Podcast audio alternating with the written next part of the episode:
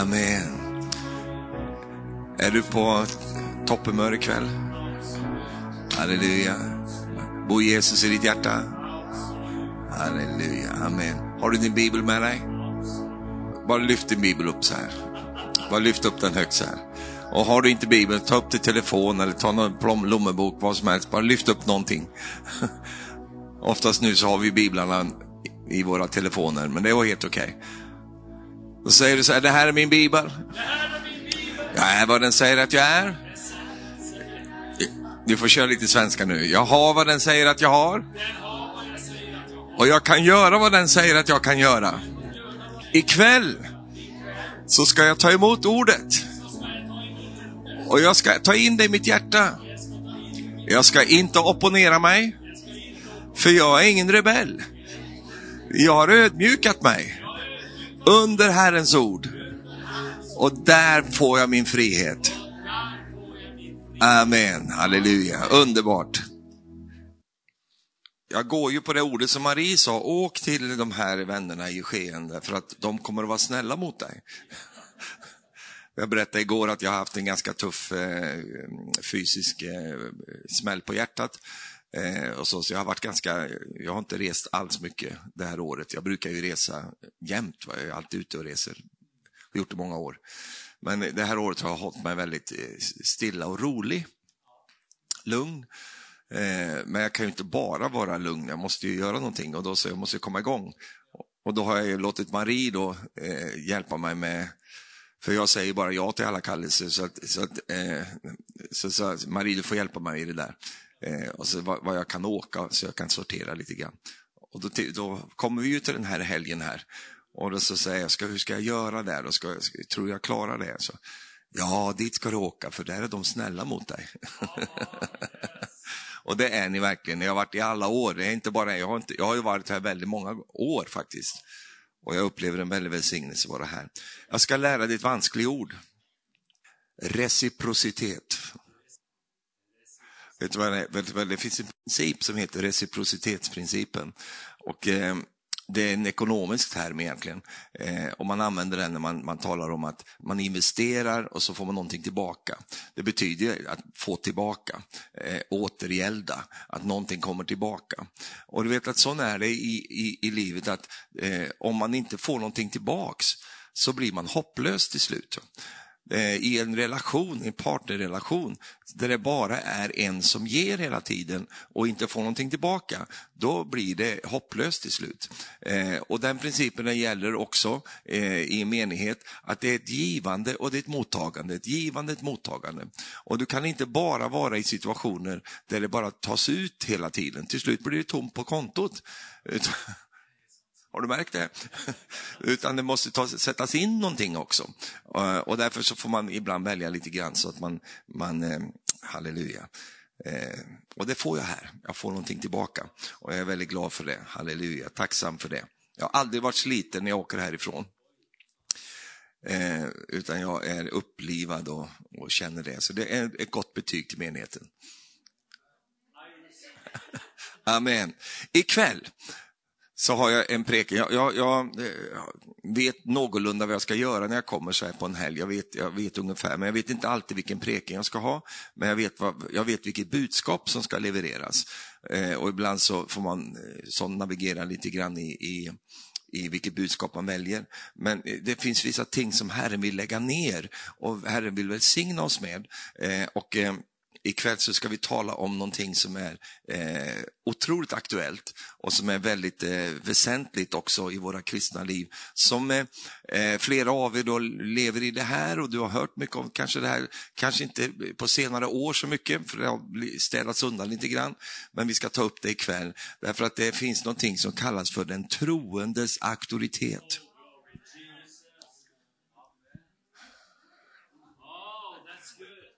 Den troendes auktoritet ska vi tala om idag. Och vi ska tala om den utifrån att Gud vill väcka upp den auktoritet som han har gett dig genom Jesus.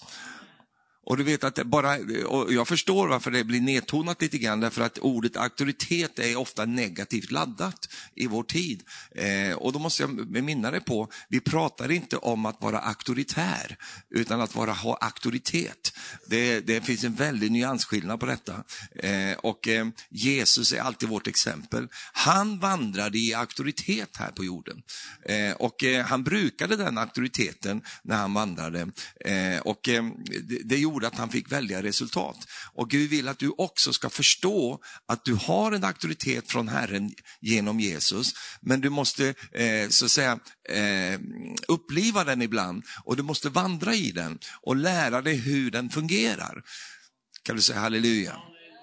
Så det ska vi hålla på med ikväll. Jag vet inte om det blir en bibelkväll eller en predikokväll, jag vet inte vad det blir för någonting, men det blir bra, blir det. Det är jag övertygad om. I Lukas 10 ska vi börja, i vers 17, så ska vi se här. Eh, nu har Jesus sänt ut sina lärjungar och de kommer tillbaka. Och då står det i vers 17 så här, när de kommer tillbaka så kommer de tillbaka glada. Det kan man ju inte säga alltid när någon kommer tillbaks. Men när Jesus sänder ut någon så kommer de tillbaks glada. Vet du varför de kommer tillbaks glada för? Därför att de har upptäckt någonting. De har upptäckt att när jag går ut på Jesu befallning så upptäcker jag någonting, att det följer med mig någonting då. Och då kommer de tillbaka, eh, både överraskade, uppmuntrade och förvånade säkert. Och så säger de till Jesus, Herre, till och med de onda andarna lyder oss i ditt namn. Wow. Och han såg, sa till dem, ja, jag såg Satan falla ner från himlen som en blixt. Ja, det finns ju en bilmodell som har en blixt där framme, så därför köper jag inte sådana. Eh, alltså, tänk inte mer på den. alltså, jag såg Satan falla ner från himlen som en blixt. Och i vers 19, se, jag har gett er makt att trampa på ormar och skorpioner, att stå emot fiendens hela välde. Ingenting ska någonsin skada er. Wow, vilket, vilket ord alltså. Jag har gett er makt till att trå på slanger och skorpioner och eh, över fiendens välde och ingenting ska no skada er någonsin, står det på svenska. Alltså det, det finns någonting här som vi ska hålla på med ikväll. Jesus säger, jag har gett er makt. Eh, ordet makt från grekiskan, det är egentligen ett tvåfaldigt ord. Och det första det är exosia. Och exosia, det betyder eh, auktoritet. Eh, jag har gett er auktoritet. Och, och exosia, jag ska bara ge er några saker om vad exosia är för någonting. Exosia betyder att det är tillåtet, det är godkänt. Det betyder att du har en rättighet. Du har auktoritet, du har en rättighet. Det betyder en frihet att utöva det här. Och sen betyder det kraft att göra någonting med det som du har fått. Sen är det kopplat till ett annat grekiskt ord som heter exesti. Och exesti, det betyder det här. Det betyder att inte tillåta närvaron av hinder.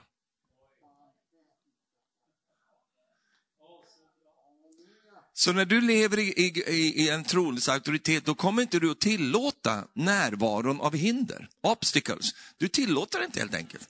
Varför då? Därför att auktoriteten från Gud tillåter inte det. Det innebär, exesti eh, eh, betyder också att ha rättighet att utföra vissa handlingar. Vi kommer till det. Och om exosia mer betonar själva rättigheten, det är den juridiska formen, eh, så exosia betonar det, så betonar exesti kraften att göra det som ligger i den rättigheten. Blev det för djupt för dig nu? Så e-, e- exosia e och exesti, de vandrar tillsammans de här två. Eh, och, och eh, allting står i ordet auktoritet. Att Herren säger, jag har gett er både rättigheten och kraften att vandra i det här. Halleluja. Och så fort du reser upp i den auktoritet som Gud har gett dig så kommer demonerna fråga, vem har gett dig rättighet att göra detta? Vem, du vet att det sa ju demonerna till Jesus också, de sa, vem tror du att du är? Varför, varför står du här? Varför gör du på det här sättet? Eh, och det ligger i eh, den frågan som, som reser sig upp så fort någon eh, tar sig, tar sig, går in i det som Gud har gett till, till eh, denne någon. Eh, och, och, du vet, Jesus, när han vandrade på jorden, så vandrade han i auktoritet. Han skilde ut sig från de som var runt omkring. Eh, de blev förvånade över att han predikade med makt och auktoritet. Alltså han talade inte som fariseerna gjorde. För fariseerna bara bla bla bla bla. Men Jesus han talade med makt och myndighet står det. Halleluja.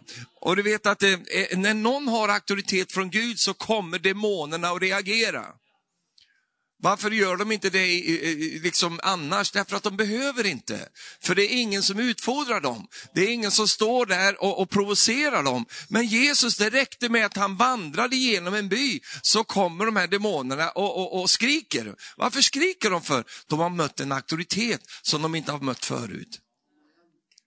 Kan du säga amen till det? Halleluja. Jag sa halleluja. Kristet möter det här.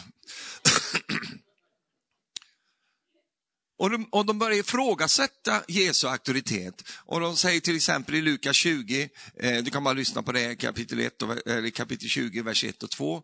Då, då, då, när Jesus talar och när Jesus gör de saker han gör, så kommer de till honom och så säger de så här, säg oss, vad har, vad har du fått för, nej, säg oss, eh, var har du fått din auktoritet ifrån eh, att göra det som du gör? Vem har gett dig den fullmakten?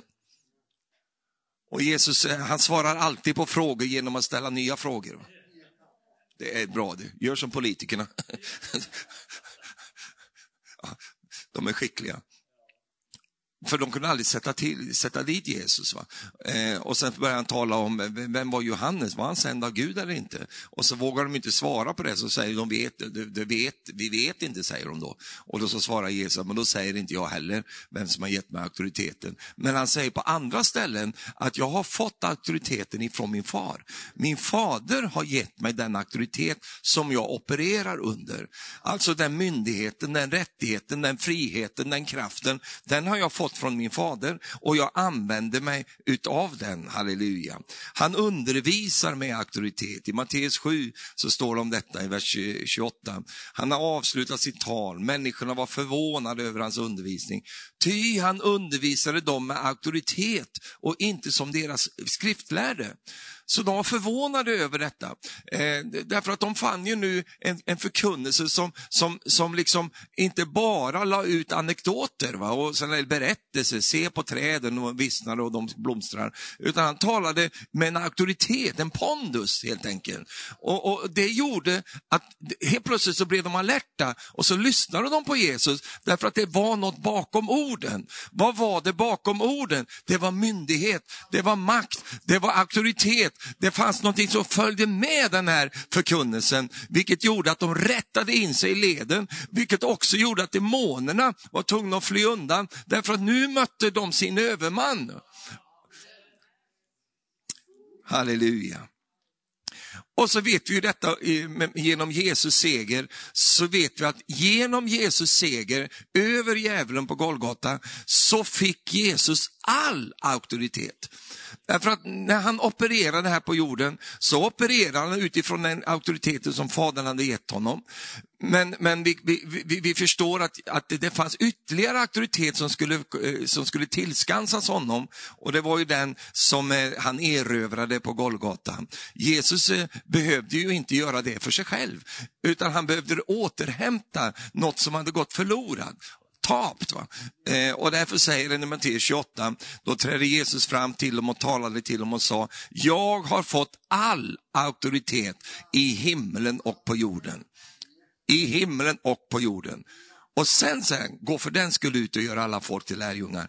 Alltså den auktoriteten som eh, hade gått förlorad, nämligen din och min auktoritet, människans auktoritet, den hade gått förlorad och den hade då blivit övergiven, eller inte övergiven, den hade blivit överlämnad till, till djävulen.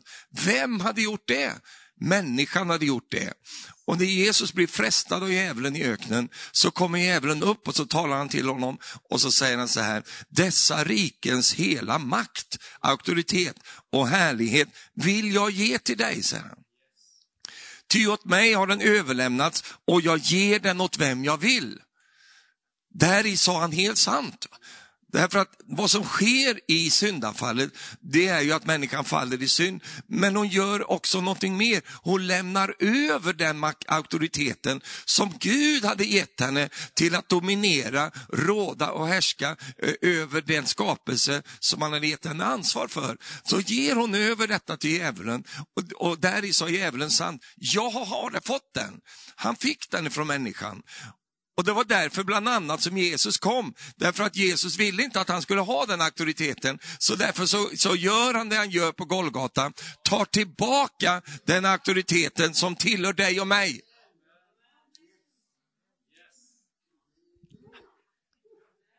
Och därför kan han säga, mig har blivit given all makt Innan sa han, han sa inte det innan sin, sin, sin, sin död och uppståndelse, men han, när han hade brutit igenom, avväpnat andevärldens första väldigheter då, och, och vunnit seger över dem och erövrat tillbaka den auktoriteten, då kunde han säga, jag har fått all makt i himlen och på jorden. Halleluja. Kan du säga halleluja? Han tog tillbaka den här auktoriteten för att sen ge den tillbaka till dig och till mig som tror på honom. För det finns ingen automatik i det här, utan det är endast de som, som tror på Jesus som kan vandra i den här auktoriteten. Och hur många sådana har vi här ikväll som tror på Jesus? Ja, då, kan, då har du de förutsättningarna. Du kan vandra i den auktoriteten genom tron på honom och på hans namn. Halleluja. Kan du säga halleluja? Amen.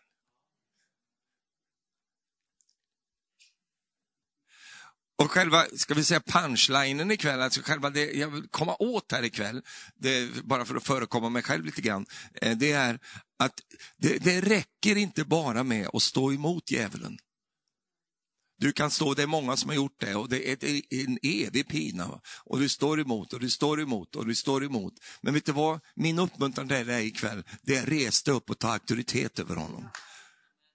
För det kommer en punkt då du säger, nu är det nog med det här. Och sen så säger du precis som Jesus, gå bort från mig Satan. Han stod emot honom, han stod emot honom, han stod emot honom. Det är bra, men det räcker inte. Utan det enda språk djävulen förstår, det är maktspråk.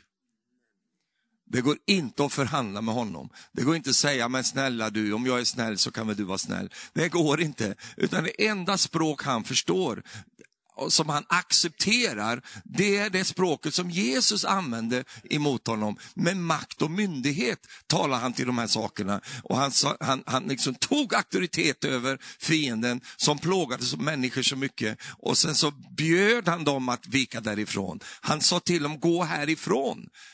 Gå bort från mig Satan. Då lämnade djävulen honom. Inte förr. Då lämnade han honom. Halleluja. Och jag talar inte till dig som tittar på mig just nu bara, utan jag talar till, till det, det som finns inne i dig. Jag talar till din ande här ikväll. Och, och att din ande ska resa sig upp och att din ande ska bara fånga, fånga upp det som Gud har lagt ner på insidan av dig. Därför att du är inte bara en snäll Eh, gutt eller jänte, utan du är en farlig gutt och jänte också. Du är farlig för, för makten och myndigheterna som råder här i, i, i himlarymderna. Där är du ett trussel, kan jag lova dig. Halleluja. Men om inte du förstår dig själv så blir det ingen sån match. Men om du förstår att han som bor i dig är större än den som kommer emot dig. När du förstår att du har fått makt och myndighet att faktiskt göra någonting åt saken. Du, du sitter på den makten för Jesus har gett den till dig. Men om du inte brukar den så blir det ingenting av det. Och om du inte tror att du har den så kommer det heller inte bli någonting av det. Så därför så vill Herren hjälpa dig och mig så att vi ser och förstår. Wow, jag behöver inte ta det här. Jag behöver inte leva under det här. Jag behöver inte ha det här betrycket över mig. Det, det, det är helt onödvändigt. Halleluja. Jesus har inte bett mig att lida på det sättet, utan Jesus har bett mig att strida på det sättet. Halleluja. Han har inte sagt till mig, du, du får bara ha det där, det är lite jobbigt att vara kristen förstår du. Och du är lite deprimerad ibland och, och allt det där. Nej, Jesus har inte sagt det, utan Jesus har sagt, du lider betryck i den här världen, men var vid gott mod. Jag har övervunnit den här världen. Och detta är den seger som har övervunnit den här världen. Vår tro. Halleluja. Amen. Woo! Prisat vare Herrens namn. Underbart.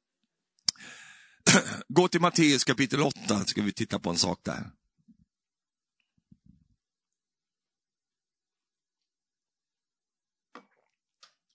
Det är godare vatten här än i Porsgrunn. Nej, jag har ingenting emot Porsgrunn, jag har inte det. Jag liker Porsgrunn. Det är fint, de gör så fina toalettstolar där. Det är härligt.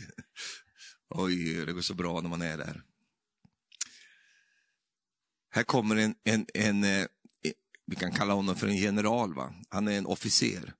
Och han kommer till Jesus, han är på väg, när Jesus är på väg in i Kapernaum i vers 5, så kommer en officer fram och ber honom, Herre min tjänare ligger lam där hemma och har svåra plågor. Och Jesus frågar honom, ska jag då komma och bota honom? Och officeren svarade, Herre jag är inte värd att du går in under mitt tak, men säg bara ett ord så blir min tjänare frisk. Och så kommer det som jag vill eh, liksom dela med dig. Också jag är en man som står under andras befäl.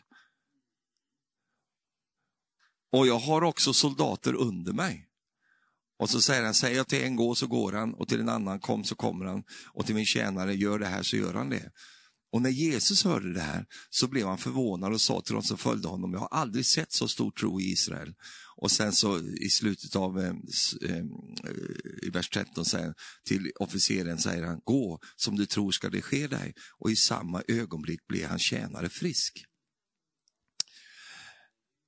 Vet du varför du blir blöt när du duschar? Vad har det med det här att göra? Väldigt mycket. Har du någonsin stått och duschat och funderat över den frågan?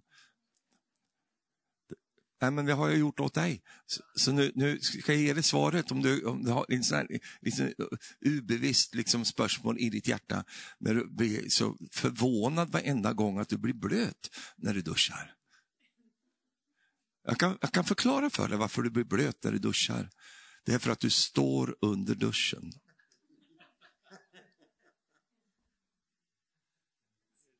Det räcker inte med att du går in på, på badrummet, på badet, utan du måste förflytta dig och ställa dig där vattnet rinner. Varför blir du blöt när du duschar? Jo, du blir blöt därför att du har ställt dig där vattnet rinner. Det spelar ingen du kan längta efter att bli blöt. Och du kanske, åh, jag längtar efter, åh, underbart. Och du kan till och med schamponera dig, göra allting, gör allting, stå där med, med, med ditt Klerasil mjällschampo där och du kan hålla på hur mycket du vill där inne i badet. Men du blir inte blöt förrän du ställer dig under duschen. Ja, men...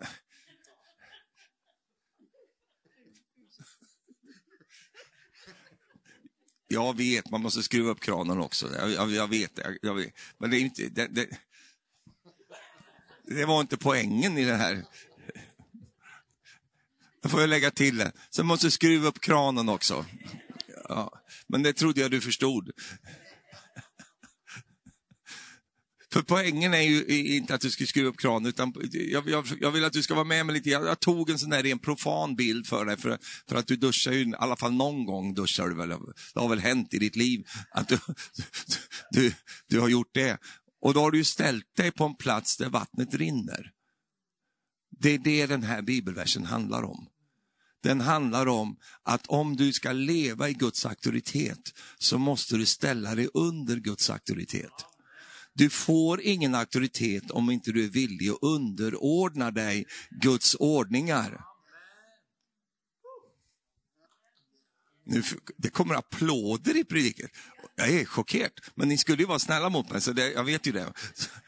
Nej, men det här är en sån viktig sanning, därför att om inte jag underordnar, och, och nu, låt mig säga det här, för det här är ett sånt touchy subject, det är ett så känsligt ämne i vår tid, därför att man, man, det finns så mycket saker som poppar upp i människors tankar, inte hos dig, men i, i luften så poppar det upp alla möjliga saker, så fort man nämner ordet underordna sig. Därför att det är en väldigt stor skillnad på att underordna sig och att underkasta sig. Och när jag talar om underordnande så tar jag precis det som jag talar om, nämligen att jag ordnar mig under. Det är någonting jag gör, det är en frivillig sak. Eh, därför att jag vill bli blöt när jag duschar, så, så då ställer jag mig under duschen. Jag, jag, vill få ta del av Guds underbara eh, sak vi predikar om här ikväll. Jag vill ha auktoritet, därför måste jag ställa mig i den ordning som gör att hans auktoritet kan flöda genom mig. Och, och, Det är därför som Jesus säger, jag gör ingenting eh, annat än det jag har fått auktoritet från min fader att göra. Jag vandrar, alltså han, sonen själv, som var Gud som det står. Han var likvärdig Gud och han är Gud. Han själv säger, om jag ska operera här på jorden så måste jag ställa mig under faderns auktoritet. Annars fungerar inte det här. Han förstod ordningarna. Och han var villig att inordna sig i de ordningarna. Han, han var villig att, att, gå den vägen. Eh, och när han gjorde det, var därför han hade den auktoritet han hade. Det var för att fadern hade gett honom den fullmakten. Och varför hade fadern gett honom den fullmakten? Därför att Jesus hade underordnat sig fadern.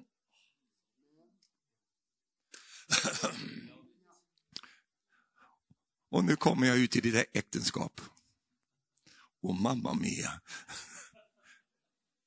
Vet du min käre vän, varför det är så många kristna äktenskap, ute i världen pratar vi inte om, men i, i kristna, som har sådana problemer. Därför att de förstår inte ordningarna. Och de vill inte inrätta sig efter ordningarna. Nu blir det tyst i kyrkan, men det bryr jag mig inte om. Varför då? Därför att det finns en sån välsignelse att förstå de gudomliga ordningarna. Att förstå att som i ett äktenskap, där finns det ett underordnande. Inte ett underkastande, inte att jag kastar mig, inte ett undertvingande, utan ett underordnande.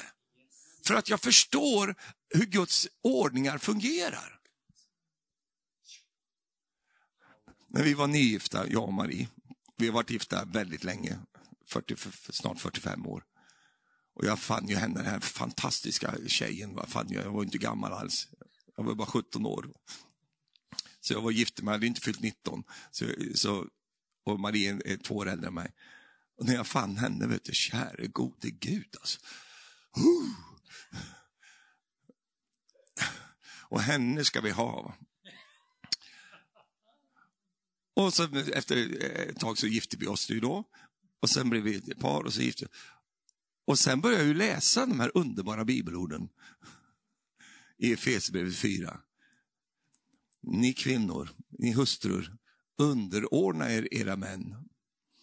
Det tyckte jag var underbara bibelverser. Oerhört starka grejer. Så gick jag till Marie, vet du, så, Marie är en väldigt självständig människa. Så tacka Gud för det. Så sa du Marie, vet du att du ska underordna dig mig? Att jag är huvudet i den här relationen. Visste du det? va? Du ska underordna mig. Och då tittade hon på mig och sa hon så här. Ja du Stefan, jag försöker att underordna mig dig. Men det är så lågt så jag kommer inte under. Jag kommer...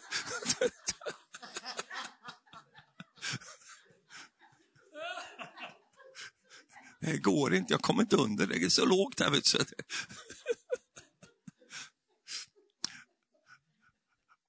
Men sen så, så, i alla äktenskap, den här biten är inte så många eh, unga par som pratar om. Utan vi älskar ju varandra. Men du vet att efter ett tag så blir de här sakerna en utmaning om man inte har dem på plats. Och vad som skedde då va, det var ju att vi, vi började ju samtala om det här och, så, och försöka hitta fram i de här sakerna. Vi var ju unga eh, och, och liksom tog tag i de här grejerna och pratade om det. För att vad Guds ord säger är vad Guds ord säger. Så det är ju någonting här som, som vi, vi, måste få tag på. Och då höll vi på med detta och så Marie förstod ju detta att det, nu, nu, nu, måste hon ju, hon måste ju liksom komma in under duschen.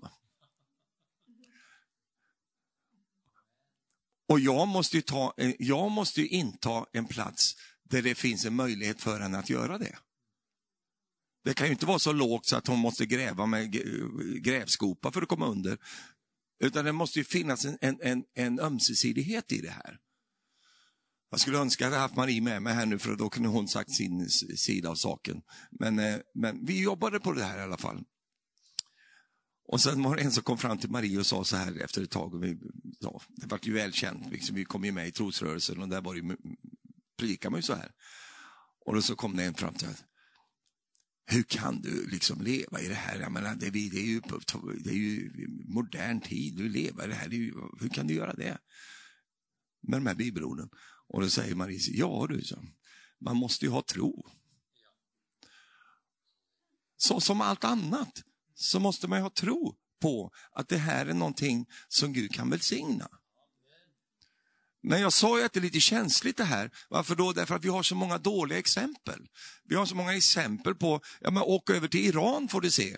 Eh, så har du sådana förfärliga exempel på underkastelse, att man ska trycka ner någon annan för att själv höja upp sig. Det är inte vad Jesus pratar om.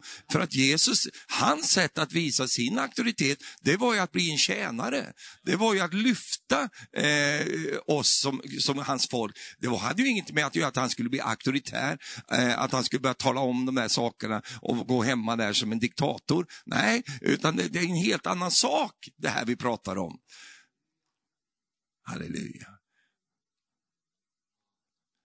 Det är så tyst, jag, jag hör mina egna steg.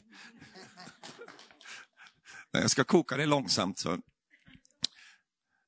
Därför att det här är ett ämne som man inte pratar om så mycket. Jo, man pratar om det, men man pratar om det utifrån ett världsligt perspektiv. Och det är inte jag speciellt intresserad av, för jag är en Herrens tjänare och jag, jag, måste, jag måste förkunna vad Guds ord säger. Även om det kan vara lite besvärligt. Men därför att det finns en frihet i det när man får tag på andemeningen i det. Därför att varenda en av oss vill ha auktoritet. Varenda en vill, vill känna detta att jag är över och inte under. Varenda en av oss vill känna att vi står i flödet. Och då måste jag förstå någonting om det här med auktoritet. Det är för att vara, ha auktoritet så måste jag vara villig att underordna mig auktoritet. Annars, mina vänner, blir det farligt. I värsta fall. Men oftast blir det bara ingenting. När jag kommer hit och predikar så, så, så läser jag av auktoritetsordningarna här. Och vi har en pastor här, han har auktoriteten här. Och jag skulle aldrig eh, liksom köra över hans auktoritet, utan då underordnar jag mig den auktoriteten. Och, och ställer mig där jag kan stå. Jag är själv en man med auktoritet. Jag, är själv, jag har själv auktoritet eh, som jag skulle mycket väl kunna bruka, men den gör jag inte eh, när, jag, när jag möter en auktoritet på den här platsen. Svårare än så är det inte. Liksom,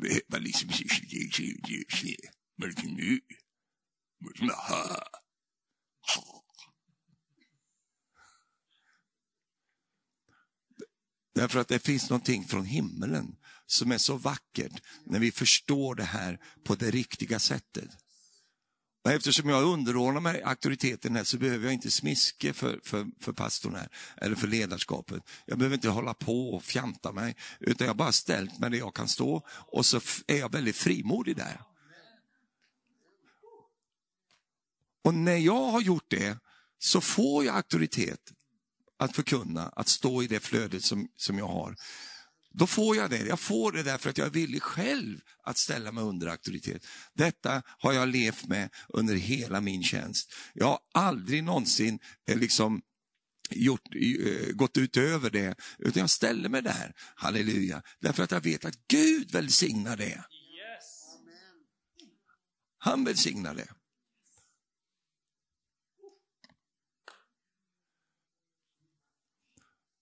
Och du vet att du inte, jag vet inte hur du tänker nu, eller sådär, om du tänker, ah, nu ska jag verkligen visa. Nu ska jag sätta ner fötterna här, alltså, visa vem det är som bestämmer. Jag sa inte att du skulle visa vem som bestämmer. Utan jag, skulle, jag sa bara att ställa sig i den ordningen som Herren har gett oss. Därför att om du vandrar i det här på det sättet som Gud vill, så behöver du aldrig säga, det är jag som bestämmer här. Du behöver, aldrig, du, behöver, du behöver, inte ha den konflikten överhuvudtaget, därför att den blir etablerad först i anden och sen i det naturliga. För om den inte är etablerad i, den, i anden så kommer den inte att kunna bli etablerad i det naturliga. Så den måste först etableras där. Och när etableras den i ett äktenskap? Jo, det är när man och hustru eh, tillsammans kommer fram till att nu har vi en ordning här och den ska vi följa. Och min vän, det krävs tro för att leva så. Jag tänker på min stackars fru, va? som ska ha mig som huvud. Gode tid alltså. Men det har gått bra. Det har gått bra. Vet du varför? För hon har tro. Hon har tro på att den ordningen är en Guds ordning, har inget med min person att göra. Har inte med att jag är flink på att vara ett huvud eller, eller in mindre flink, utan det är bara en Guds inrättning. Han har ordnat det så. Och när hon gör det på det sättet så förlöser det någonting över mig. Det gör att jag kommer in i det jag ska komma in i. Och vet du vad, ännu bättre, hon blir fri som en fågel och glad som en lax.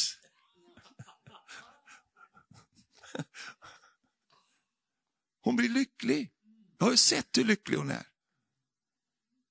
Halleluja. Jag har aldrig behövt säga det där till henne någon mer gång. Du vet Maria, det är jag som är här. Man.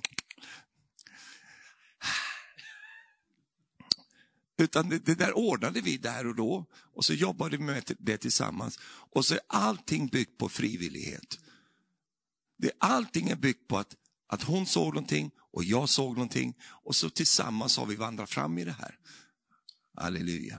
Och hittat våra roller och hittat våra funktioner så att jag kan bli tillfredsställd så att också hon kan vara tillfredsställd. Halleluja. Amen. Och vet du vad det bästa av allt? Våra barn trivs med det. De vet vem som är fadern i det här huset. De vet vem som har sista ordet här. De vet det när det gäller viktiga saker. De vet det. Och de vet också vem det är som skruvar på huvudet hela tiden. De, de vet det också. Halleluja. Jag sa halleluja. Så i den, i den förståelsen, att jag förstår att jag måste inta en position för att jag ska få en position. Jag måste våga gå den vägen som Jesus gjorde när han underordnade sig Fadern. Det var då han fick den här auktoriteten. Och Vi kan läsa till exempel i Filipperbrevet 2, de kända verserna där. Han som var till i Guds skepnad, men inte räknade jämlikheten med Gud såsom ett byte, utan ödmjukade sig själv i det att han antog tjänare skepnad. Och han blev lydig intill döden, ja intill döden på korset. Därför har Gud upphöjt honom och gett honom det namn som är över alla andra namn. För att i det namnet Jesus, alla tungor ska bekänna eh, Gud fader till ära att Jesus är Herre och att alla knän ska böja sig. Halleluja. Varför då? Därför att det föregicks utav att Jesus var villig att ödmjuka sig under Fadern. Därför blev han upphöjd. Och sen fick han namnet som är över alla andra namn. Och det är det som är, kan vara utmaningen för dig och mig. Därför att i värde så är mannen och kvinnan helt lika. Det är ingen skillnad. Det är inte så att kvinnan är lite nere och mannen lite uppe. Det, har, det är inte det. Vi är jämlika. Och Gud och Fadern, Fadern och Jesus, de är jämlika. Precis jämlika. Men Jesus gör någonting i alla fall. Trots att han var jämlik med Gud så ödmjukar han sig under den Gud som han är lik med. Och det är ju det som blir både utmaningen och välsignelsen över en kvinna som vet att ja, men han är inte något bättre än mig. Oftast är ju kvinnan bättre än gubben. Va? För gubben är ju både tondöv och allt möjligt. Och han, han, han pratar inte så mycket, han låter mest. Och, och, du kan fokusera på det, här, du kan finna de här eh, liksom gliporna i rustningen och hålla på och peta på de sakerna. Men du vet att då får du Gud emot dig när du gör det. Därför att Gud har inrättat ordningar. Och Gud säger, nej men du gör fel. Du ska göra som Jesus gjorde. Du säger, det kan jag inte göra. Jo, det kan du. Och när du är villig att göra det som Jesus själv gjorde, ordna det under, så kommer Gud att upphöja dig. Gud kommer att ge dig en position som du aldrig kan få annars. Halleluja. Den här generalen, du har träffat någon general i ditt liv kanske? De kommer ju fram på tv nu vet du, när det är krig i Ukraina. Jag tycker det är lite mer morsomt att träffa dem än från, de från hälsomyndigheter. Jag är så trött på den här, vad den hette i Sverige. Eh, du vet, det var ju den dagliga under coronan. Där. De stod ju där, va? dagens rapport. Nu är det generaler och sådana överstar och grejer som står och talar. Det är mycket mer, jag likar det bättre. Då. men, men om du tittar på de där generalerna, det, det är power alltså. De var så väldigt skickliga också, de har väldigt mycket kunskap. Och den här generalen, tänk på honom som kom till Jesus, det var en sån som kom. Han, hade, han visste det här med auktoritetsordningar. Han förstod det. Han, han kom ju där med en man med, som en man med fullmakter. Han kom ju med en man, som en man med pondus. Men när han möter en som har mer auktoritet än han har, då förstår han, nu behöver jag underordna mig den auktoriteten för att de orden som kommer från den högre auktoriteten ska ha någon kraft i sig. Och Han förstod också detta, att, att jag kommer in på det senare här, han förstod detta. Jesus, du behöver bara säga ett ord, för jag förstår hur auktoritet fungerar. Säg bara ett ord, så har jag vad jag behöver.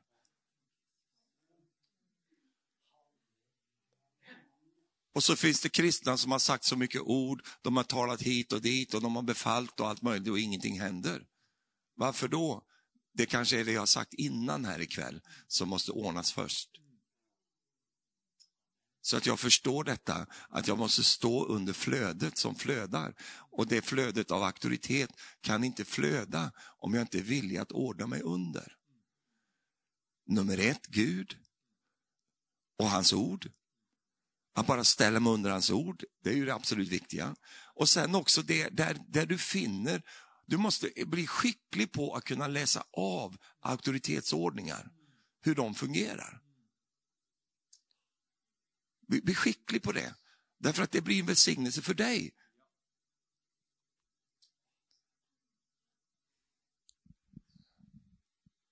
Det är därför kriminella människor har alltid problem med myndigheterna. De har alltid problem med auktoriteten. Till och med de som har blivit frälsta har det ett förakt för myndigheterna. De vägrar att ordna under sig. Därför att de, de, de, det, det är det som är ett kriminellt beteende. Och Det finns många kriminella i Guds menighet. Som gör allt de kan för att kringgå de ordningar som Gud har inrättat. De vill inte, de vill inte ha det, de vill ha det på sitt sätt. Och därför är alltid Nyckeln in i det här som jag talar om är alltid omvändelse. Jag hoppas jag får komma tillbaka någon gång här. Det, det, är alltid, Stefan, det är tunga grejer du håller på med här ikväll. Kära någon, auktoritet, omvändelse, underordnade. Käre Gud, varför kom jag hit på det här mötet för? Oh, jo, du kommer hit och jag känner i min anda att det här gillar du jag, jag, jag, känner det, för jag är inte ute efter någon här, utan jag lider och sörjer över att det Guds ord talar om skulle fungera, inte fungerar. Ja, men han har ju gett oss makt över alla ormar och skorpioner och allt. Varför är vi då så plågade över dem? Varför är vi då så jagade av de här eh, mörkrets krafter? Varför bryter det inte igenom för? Det är en auktoritetsfråga. Inte det att auktoriteten inte har blivit given, det är bara det att jag står inte under duschen. Om jag inte står under duschen så kan jag skrika mycket jag vill, jag blir inte blöt i alla fall. Men när jag lär mig och finner fram här, halleluja. Ni kommer ihåg han pojken som gick från ge mig till gör mig? Han kallas i andra sammanhang för den förlorade sonen. Han gick till sin far och sa, ge mig den del av arvet som tillhör mig. Sen efter en lång resa, han har tappat allting och ödelagt för sig själv, då går han tillbaka till sin fader och säger, gör mig. Han hade fattat en väldigt, det kostade honom mycket också. Han förstod detta, att jag behöver eh, liksom bli gjord till någonting, en tjänare. Och när han kommer tillbaka med den hållningen, det tog honom en lång resa tills han upptäckte det. Det tog honom väldigt mycket lidande, onödvändigt, fullständigt onödvändigt. Men det tog honom den resan i alla fall. Och när han kom till sig själv, som det står, han kom till besinning, han insåg hur tokigt det blev. Så vände han tillbaks till Fadern. Och när han vände tillbaks till Fadern så kallas det för omvändelse. Han vänder om och går tillbaks till, till Fadern. Och bilden är ju Fader Gud. Va? Så han går tillbaks till honom och så bekänner han sin synd inför Fadern och säger, Far jag har syndat inför himmelens Gud och mot dig. Jag är inte värd att kallas din son längre, utan gör mig till en av dina legodrängar som är här på gården. Det räcker gott för mig. Han var knust, han, han hade insett någonting. Så även om jag ska bli en slav här så är det ändå bättre än det liv jag har nu. Och i den omvändelsen så upprättar Fader honom och så ska vi se vad han gör med honom. Vet du vad han gör? Han tar honom in till sig. Och efter att han tagit honom in till sig så säger han till tjänaren, ta fram kläderna och sätt på hans finger en ring. Vad är det för en ring som man ska sätta på honom? Jo, det är ju signetringen. Det är den ringen som på den gården, så använde man den ringen när man skulle, den visade att, att man hade auktoritet. Så med den ringen så kunde han köpa saker, han kunde beställa saker. Det, det var liksom eh, koden och eh, nyckeln till allt sammans. Han fick en ny, ringen på fingren. När fick han auktoriteten tillbaka? I omvändelsen så skedde det. Så när han omvände sig från sitt eget liv och allt det där, då så upprättar Herren honom och ger honom signetringen.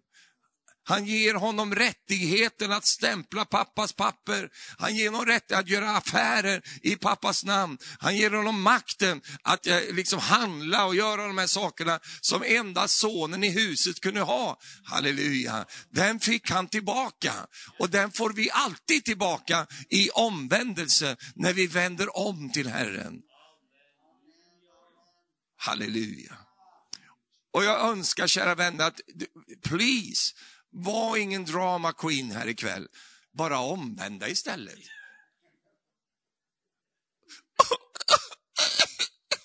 Bara sluta med det. Bara omvänd dig. Titta på mig nu. Jag gjorde precis en omvändelse.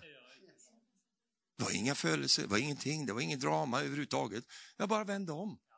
Vet du vad omvändelse betyder på grekiska? Det betyder sinnesändring. Att jag ändrar mina tankar. Jag har ju tänkt helt korkat i huvudet. Eh, jag måste ha varit för länge i Sverige. Jag har tänkt helt tokigt. Och nu vänder jag om och så kommer jag till Norge. För ibland så täcker vi över det vi behöver göra genom massa känsloutsvall. Det är genom att vi, vi, vi, vi håller på så värdelös. Åh, oh, vad dålig jag är, så värdelös, så kass allting, är dålig, allt jag gör är fel. Nej, du kan göra väldigt mycket rätt på din väg till helvetet. Det är många som är på väg till helvetet. Oh, vad de gör mycket rätt de ger också julegaver. De är fina hemma, de gör allt möjligt, snälla, fina, jättegulliga, men de är på väg till helvetet. Vägen till helvetet är kantat av goda föresatser. Tror du att det är någon som vill gå till helvetet? Jippi! Det är ingen som vill det. Men de kommer dit i alla fall. Och hur ska jag ändra det då? Jag måste vända om. Det är väl enkelt. Halleluja. Och därför så, så i den stunden, det är det jag vill säga, så upprättar Gud dig och så ger han dig auktoriteten. Halleluja. För du ska tänka så rätt min vän. Du, du, du, har inte auktoritet för att du har förtjänat den. Du har auktoritet därför att du har fått den. Du har fått den av Herren. Halleluja. På samma sätt som Jesus. Han säger, mig har blivit given auktoritet. Jag har fått den och jag opererar, som vi läste i början, jag opererar under denna exosia. Jag opererar under den rättigheten som jag har i att eh, utöva den här auktoriteten, den här makten. Kan du säga halleluja, det här är bra. Det här är bra. Tack för det.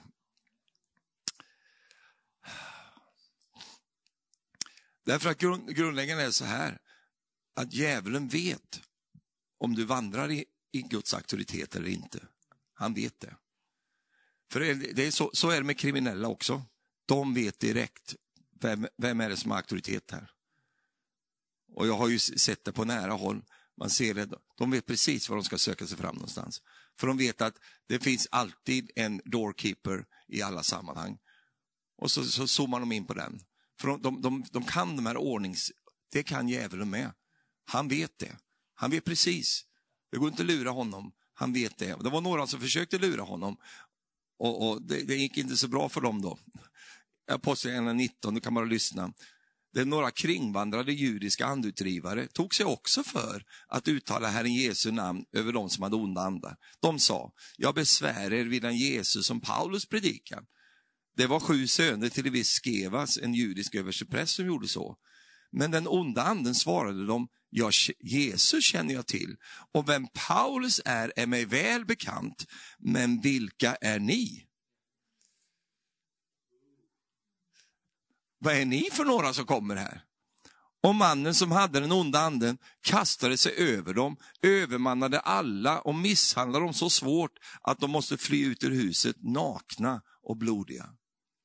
Alltså, i, för att det är där egentligen vi opererar, för att vad, vad, vad Herren vill att du ska förstå, det är att det vi talar om nu, det är att han ger dig en auktoritet i andevärlden.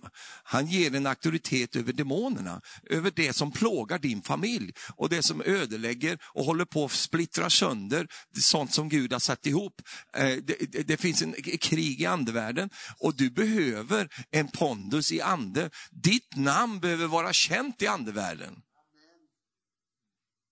Paulus är mig väl bekant, vi vet mycket väl vem han är. Varför visste de det för? Jo, därför att han hade en auktoritet i anden. Va? Så när han kom så reagerade demonerna. Läs om honom. Det spelar ingen roll vart han kom i alla synagogor och allting som han besökte. Det vart ju ramaskri. Varför då? Därför att det provocerade fienden. För här kommer en som har auktoritet över oss. Och det var ju likadant med Jesus. Jesus känner vi, Paulus är oss välbekant, men vilka är ni? Och därför så är det så att Herren vill ju att du och jag ska bara kliva in i den här pondusen, i den här makt, eh, makten, i den här auktoriteten och vandra i den. Och när du vandrar i den, det är då du har makt att kunna säga till Satan, far ut ur dem, lämna i Jesu namn, du har ingenting här att göra. Och han måste lyda dig. Jag sa han måste lyda dig. Prisat vare Herrens namn. Prisat vare Herrens underbara namn. Halleluja. För att om vi lyfter det ut utanför vår kontext här och tittar bara i, kristen, i kristenheten så ser vi, det är mycket snack och lite verkstad. Va? Ni säger inte så i Norge eller? Ja, ja just det. Ja, den har jag hört. Det var mycket skrik för lite ull, sa bonden som klippte grisen. Alltså det är mycket snack, va? det är mycket, men det är lite action, va? det är lite som händer. Därför att, att krist, alltså kristenfolket vandrar inte i den auktoriteten som Jesus har gett oss. Varför gör man inte det? Ja, jag har redan varit inne på det här idag. Man är inte villig att gå Guds väg. Man är inte villig att underordna sig Herren. Man är inte villig att ställa sig i de ordningar som Gud, har, som Gud har rest upp. Man vill, man vill ha det på sitt sätt. Och göra på, man vill vara en rebell helt enkelt. Och du vet att rebeller får ingen auktoritet från Gud. Utan det är de som böjer sig under honom. Där kommer auktoriteten. Och när vi då är villiga att göra som Paulus och de andra, att gå in under det, så kommer Gud att säga, dig kan jag anförtro den auktoriteten som Jesus själv bar när han vandrade här på jorden. Du ska få samma auktoritet till att göra vad då? Till att kasta ut demonerna. Och vi, har ju varit, vi är så korkade här uppe i västvärlden så vi tror ju att demoner inte finns. Det är ju det bästa, det är ju kanon för en, en demon. Jaha, de tror inte jag finns, då kan jag bara hålla på här hur mycket jag vill. Därför att det är så att Gud ger inte dig auktoritet över människor. Tro inte att Gud har gett dig en auktoritet så du kan styra och ställa med människor, utan Gud ger dig auktoriteten att råda i andevärlden. Råda i den värld som styr människor. För låt mig tala om för dig att allting har inte en naturlig rot. Det finns saker som har naturliga rötter, men allt har inte det. Det är väldigt mycket, som, det finns någonting som ligger bak saker och ting. Och vet du vad? Du och jag kan operera i det osynliga och vinna striden i det osynliga så att det blir välsignat i det synliga. Halleluja. Jag sa halleluja. Prisat vara Herrens namn. För Herren har gett det till dig och mig. Och vi, vi ska bruka det, vi ska använda det utav oss. Därför att det, det är våra gudagivna rättighet att få vandra i den auktoriteten som Gud har gett oss. Det sista jag vill säga ikväll, det är att grundläggande så opererar man i auktoritet genom ord. Va? Det var så Jesus gjorde. Eh, han, han talade till saker och ting. Han befallde saker. Och när han talade till saker och ting så var det inte snälla du, kan inte du bara ändra på det? Snälla. Jag har haft många hundar i mitt liv. Nej, jag sammanliknar inte dig med en hund. Nej, det, det, det, tänk inte den tanken. Kallar du mig för en hund? Nej, jag bara, jag bara talar om principen. Jag har haft många hundar. Och vet, hundar måste förstå auktoritetsordningar, annars blir det elände hemma i hemmet. Om hunden får för sig att han är en människa, då har vi problem. Och om människor får för sig att hunden är en människa, då har hela familjen ett problem. För hunden måste fatta var hunden ska vara någonstans. Och vet du var hunden inte ska vara någonstans? Hunden ska inte vara i centrum. För en hund mår inte bra av att vara i centrum. Utan en hund ska vara där den ska vara. Ja. Och du vet, en hund kan man inte gå ut och säga, snälla du, snälla, ska vi gå ut, ska vi gå in, ska vi gå bort, ska vi gå hem, ska vi gå upp, var ska vi gå? Nej men gå lite var du vill du lille Pelle. Jaha, alltså vill du gå dit? Ja, men då går vi dit. Då. Mm. Nej, så gör man inte, utan man säger, nu går vi hit. Nu går vi så här. Nu, nu ligger du där. Sluta och kolla på mig med de där ögonen där. Va? Det finns inga som kan vara så manipulativa som hundar. Alltså. De ligger där och tittar på dig, ser ledsna ut. De är inte ett dugg ledsna. De är bara självcentrerade. Ja, men det är synd om han. Det är ingen synd om honom. Jo, det är så hemskt. Du ska inte vara stygg mot hunden. Man är stygg mot hunden när hunden inte förstår auktoritetsordningar. Jag är rätt flink på hundar, vilket betyder att när jag kommer in och möter hundar, de vet precis vem de möter. De möter sin överman. De bara går undan och lägger sig direkt. För hundar känner av sånt. Det gör barn också. Och någon minut om ett barn, om barna. Den största otjänsten vi gör till våra barn, det är att vi sätter dem i centrum. Ett barn ska inte vara i centrum. Där ska mamma och pappa vara. Och nu är det så tyst jag blir rädd här. Jag vet vilken tid vi lever i. Jag vet mycket väl vilken tid vi lever i. Förr i tiden så kom föräldrarna och sen kom barnen. Nu för tiden så kommer barnen och sen springer föräldrarna efter. Jaha, så lille Pelle, vill du gå hit idag? Jaha, men då går vi dit då. Alltså, jaha, man curlar dem till, till vansinne. Va? Och det är därför så många barn mår så dåligt psykiskt. Därför att de har fått en plats som de inte ska ha. Ett barn ska inte vara i centrum, utan ett barn ska finnas med i det vuxna centrum och där ska de få lära sig och, och ta, ta del av det de vuxna håller på med. Halleluja. Kan du säga halleluja? Jag säger så mycket grejer här nu så att jag, jag, jag nu är inne på barnuppfostran här också. Nej, men det finns, det finns någonting som, som skadar barnen. Och det är när de inte får den här möjligheten att kunna rätta in sig i de ordningar som gäller.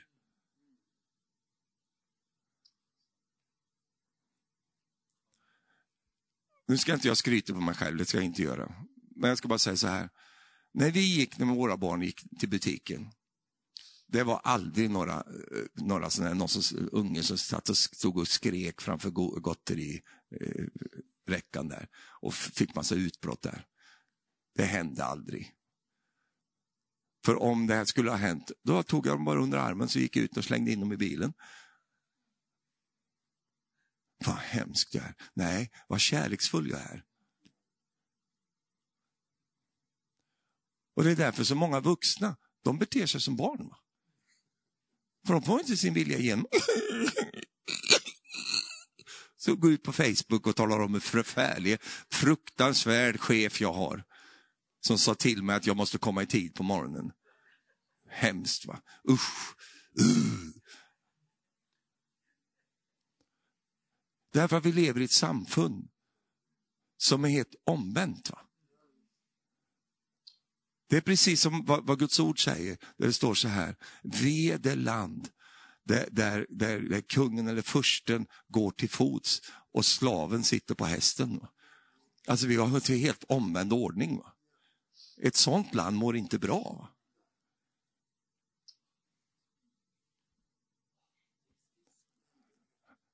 Halleluja.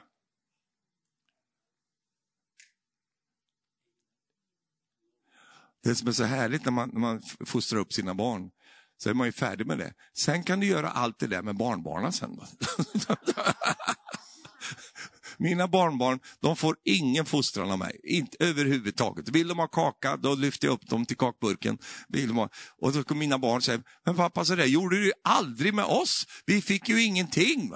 Du var ju så sträng mot oss, nu då, barnbarnen får allt. Ja, ja, ja, det är er uppgift att fostra dem, inte min. Jag fick göra jobbet med er, ni får sköta era grejer. Halleluja. Det är så skönt. vet du. Farfar, jag vill ha en, jag vill ha en, jag vill ha en moped. Jajamän, vi köper en direkt. Farfar, nu vill jag måla, det här, måla här borta. Ja, måla på det bara. Och mina stackars barn, de fick inte göra någonting sånt där. Men det har blivit bra, eh, bra vuxna av dem. Halleluja. Därför att det finns någonting som är väldigt tillfredsställande när jag förstår vilken plats jag har. Redan från litet barn upp till vuxen. Det, det, finns något, det finns något fridfullt med det, något harmoniskt med det. Och det är bara det jag är ute efter. Halleluja. Jag sa halleluja. Du tänker så här, vad är det för en tyrann? Som, som, nej du, jag är ingen tyrann, jag är väldigt eh, kärleksfull. Men jag har förstått ordningarna och det är det jag talar om här ikväll. Och jag har också förstått vikten av att sätta gränser och säga hit men inte längre. Va? Därför att om jag inte kan göra det bara i det vanliga livet, hur kan jag tro att jag kan göra det med med den demoniska andevärlden? Om jag inte ens kan hålla ordning på min, min, hålla på min egen fru, om jag inte ens kan hålla ordning på, på, på, på allt det som Gud har, har satt mig till. De, de, de, andevärlden bara skrattar ju åt mig. Men när de ser att den här personen lever i de här ordningarna och har det, då blir det en respekt i andevärlden och det är den som trängs och det är den vi inte har i vår tid. Men vet du vad? Vi ska resa upp den respekten. Halleluja. Vi ska resa upp den respekten. Så när du kommer så, så, så säger demonerna, eh, liksom Thomas är mig väl bekant, om du nu heter det. Lisa, hon, den, den, den har jag haft att göra med innan, den vill jag inte bråka med längre. Eh, alltså det finns någonting som reser sig upp i andevärlden och det är den auktoriteten som är etablerad i ditt liv genom tron på Jesus. Kan du säga amen? Och Vi var mycket inne på det här på 80 och 90-talet, vi höll på mycket med detta. Eh, och sånt. Och det, det, kunde gå ner i gröfta ibland, därför att det fanns en, en mangel, och den mangeln är kärligheten. Därför att det, allt måste vara nedbäddat i Guds kärlighet. Därför att när du får den här powern som jag pratar om, den här kraften, om inte vi vandrar i kärlighet så kan vi faktiskt ödelägga människor och vi kan göra illa. Och det är inte det jag önskar, utan jag önskar att det finns en mogenhet i det att kunna vandra in i det här utan att plåga och ödelägga människor och att vi förstår förstår den enkla sanningen att jag har ingen auktoritet över dig, utan jag har auktoritet i andevärlden. Där kan jag råda och regera tillsammans med Jesus. Kan du säga halleluja? Amen. Och det absolut sista jag vill säga ikväll, det är res dig upp i den auktoritet som Jesus har gett dig. Länge nog har du varit under nu. Länge nog har du försökt att, att liksom vara snäll och vara liksom så här lite löjlig. Sluta med det. Res dig upp i den myndighet som Gud har gett dig. Halleluja. Kan du säga amen? Du vet, många män har ju blivit så plågade i den tiden, för män får ju inte vara män längre. de, jag vet inte vad de ska vara för någonting. Och, och, Det finns ett enormt, en del säger det är problem med kvinnor, att jobba för kvinnor. Det är, inte, det är inte det som är det stora problemet idag, utan problemet är att beskjutningen ligger på män och sann manlighet. Det är där som, som, som fienden har riktat in sig. Och, och, du vet att idag får ju män inte vara män. Till exempel en man får ju inte bli sint längre.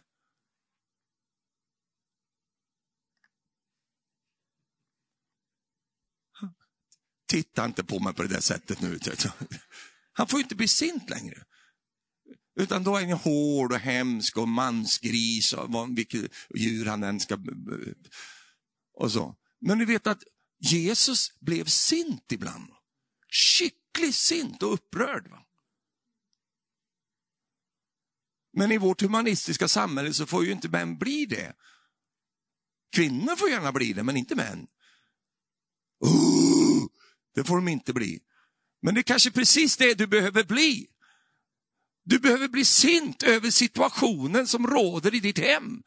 Du behöver bli sint över att djävulen bara håller på som han gör. Någon gång får du bli som Paulus. Han blev upprörd i sin ande, står det, och talade till den demonen. Far ut ur henne!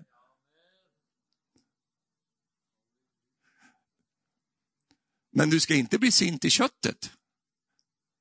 Och det blev vi mycket mer på 80-90-talet. Man, man förstod inte skillnaden riktigt.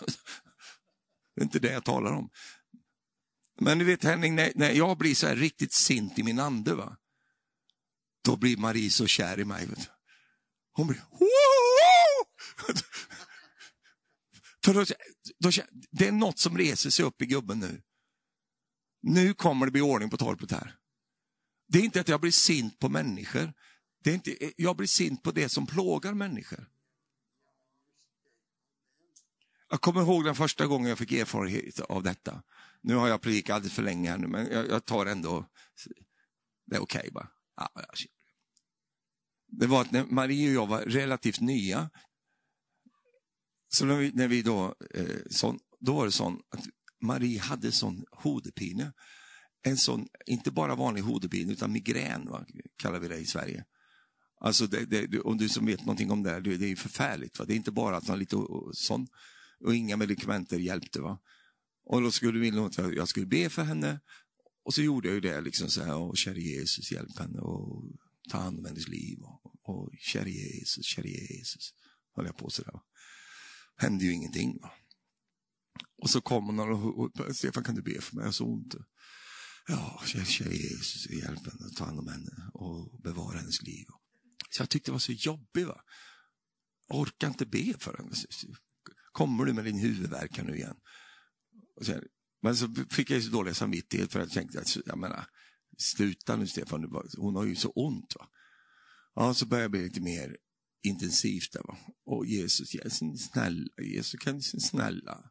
Jag orkar inte med den här frun med så mycket huvudpine och grejer. Kan du inte, för min skull, kan du inte hjälpa henne? så höll jag på där. Va? Och det hände ju ingenting. Men så hade vi upptäckt någonting, att man kan be i anden. Va? Man kan be i den heliga ande. Så då tänkte jag så här, så satt, hon satt ungefär som du sitter där Henning, och, och jag, jag, skulle be för henne, det var så ont. Vet du. Så började jag be i, i tungor. Va? Oh, shili bangi, och helt plötsligt, va? så boom, det bara small till här på insidan. Och vet du vad? Jag blev sint. För innan hade jag bara mest trött. Va? Och så här kört med liksom religiös, käre Jesus, hjälp mig, käre Jesus.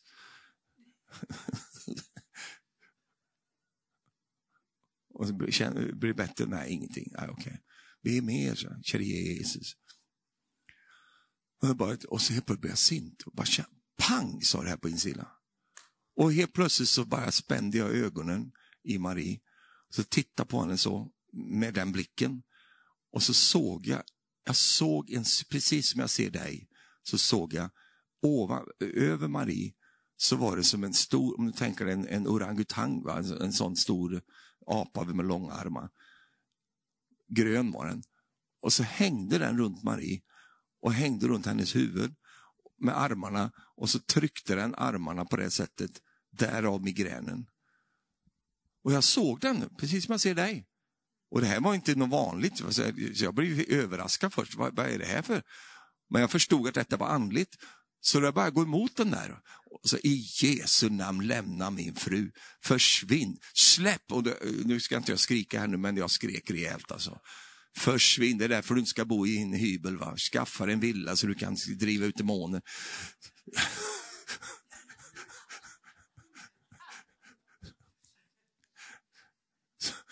Och så bara, i Jesu namn, far ut ur henne. Alltså, och, då, och då hade jag den här trons överbevisning att det här, det här ska inte, jag vinner det här. Det, det bara kom ur min ande. Du bara far ut ur henne. Så höll jag på. Och då när jag gick på honom så då blumsade han ner så på golvet. så här. Stod han så här, svaja på det här sättet. Stod han där. Och så visste jag inte riktigt vad jag skulle göra. Va? Så, ut med det! Så, så, så gick jag och öppnade dörren så här, ut i, i hagen. Så jag öppnade dörren. Jag sa, ut med dig! Så han plumsade ut där genom dörren där. Så, så här, va? Och så plumsade han iväg och så hoppade han in i nabons hus. Där. Men det, det, så jag vet inte riktigt vad som hände där inne sen. Men, men vet du vad som hände? Allt det här låter ju lite nästan eh, löjligt, att berätta en sån här sak. Och det hade jag inte gjort om det inte hade varit för det här. Att efter den dagen hade Marie aldrig någon mer migrän. Hon har aldrig haft det, hon vet inte, och det hade hon ofta innan. Men efter det, hon har haft hodepine, det har hon haft, eh, när hon har jobbat för mycket eller sånt. Men inte den där migränen, den försvann. Halleluja. Jag sa den försvann. Åh, prisat vare Herrens namn. Och du vet att jag var tvungen att gå från det där, käre Jesus, käre Jesus, hjälp oss i den här svåra tid som vi lever i nu. Nej, jag var tvungen att gå och sluta med det där. Och så var min ande tvungen att ta över. Och den auktoriteten som Herren har gett mig i Jesus Kristus, den blev tvungen att bli förlöst. Och, och, när jag i den kraften talar ut och talar till de där sakerna, så var de tvungna att försvinna. Halleluja. Åh, oh, jag sa halleluja. Prisat vare Gud. Och du vet att det finns saker som håller på att rota runt i ditt hem och håller på att härja där. Och du har hållit på med de där, käre Jesus-grejerna. Sluta med det och istället ta tag med, i din ande och låt din ande komma upp i kraft och i styrka. Åh, prisat vare. Tror du att Marie blev glad över att hon blev fri från de här sakerna? Hon är överlycklig. Prisat vare Herrens namn. Och vet du vad? Det finns saker och ting som, det enda som duger, det enda som hjälper, det är auktoritetsspråket. Det är det enda som hjälper. Vad betyder det? Ja, det betyder att det är icke förhandlingsbart. Det är, inget, det är vi är inte i en förhandling här nu, utan du ska ut och jag är kvar. Du ska bort och jag är hemma. Du ska ner och jag är uppe. Det, det, det, det, det, det är ett maktspråk alltså. Och det maktspråket brukar inte vi mot varandra, för det gjorde aldrig Jesus. Han höll inte på på det här sättet, utan talade till det som plågade folk. Va? Och det är det du kan göra. Du säger, jag har ett barn hemma som det, det, det, alltså det är som röra, som rot där. Då ska jag ge en uppmuntran. Gör, gå inte till ditt barn och härja och skrik över det. Utan du kan göra precis som den syrofenisiska kvinnan fick vara med om. När hon kommer till Jesus, hennes dotter plågas svårt, står det, av demoner.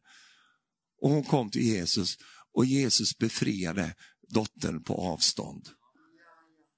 Du anar inte vad mycket du kan utföra som dina barn inte har en aning om vad du håller på med.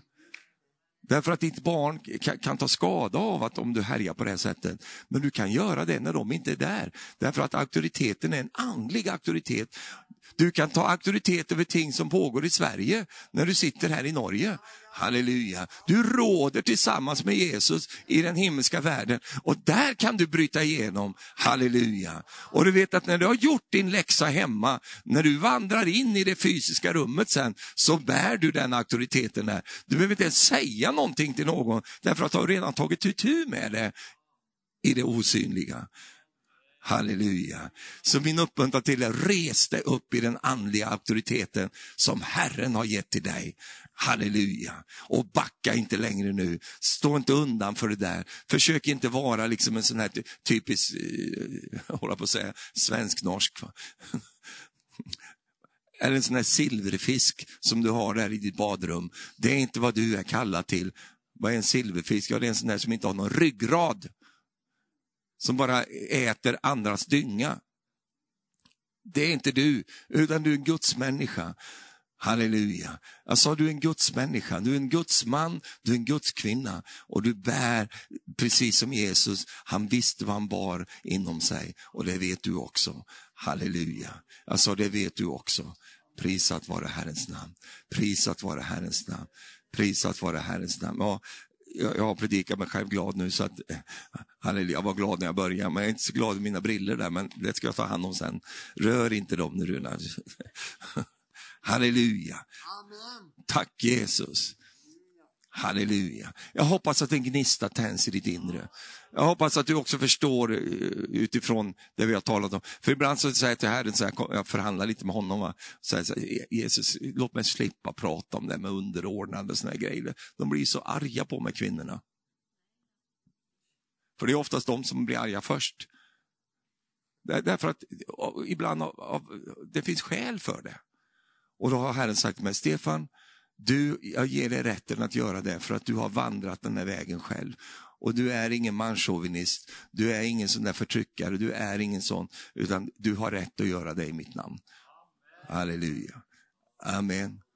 Tack Jesus. Så kanske någon sitter här och tänker så här, käre gode Gud, så tänker du på din gubbe va? Så jag är ner under honom där. Uff. Nej, du ska inte ner under honom, du ska, det står så här, underordna i Kristus. Va? Vilket betyder att det får en viss effekt. Va? Och den effekten blir ju detta, att du kan se på den du är gift med. Nu gäller inte det här bara kvinnorna, för det finns många gubbar som är... Men det är en annan predikan för en annan kväll. Att det finns just det där att vi ordnar oss på det sättet. För om du ställer spörsmål till mig och säger Stefan, varför fungerar det inte? Du kanske har fått något att tänka på ikväll. Att det finns ting, jag måste placera mig på ett visst sätt för att det ska kunna fungera. Och när jag gör det, halleluja. Jag sa halleluja. Jag sa halleluja. Kalabashandololoria. Fader, vi tackar dig för den här kvällen tackar dig Fader för att du reser upp den auktoriteten som du har gett till oss genom Jesus. Att vi i dig Herre har fått makt och myndighet att råda över vad som än reser sig upp emot oss Herre. Tack Herre för att Djävulen är besegrad genom vad du gjorde på korset, Herre. Men han ska också bli besegrad i våra liv. Och jag tackar dig Gud för att den oreda och de sakerna som kan uppstå här. Eh, herre, jag tackar dig för att du har gett oss den myndigheten att ställa till rätta, få i ordning på det som är i oordning, Herre. Vi tackar dig Gud för det i Jesu namn, i Jesu namn. Halleluja.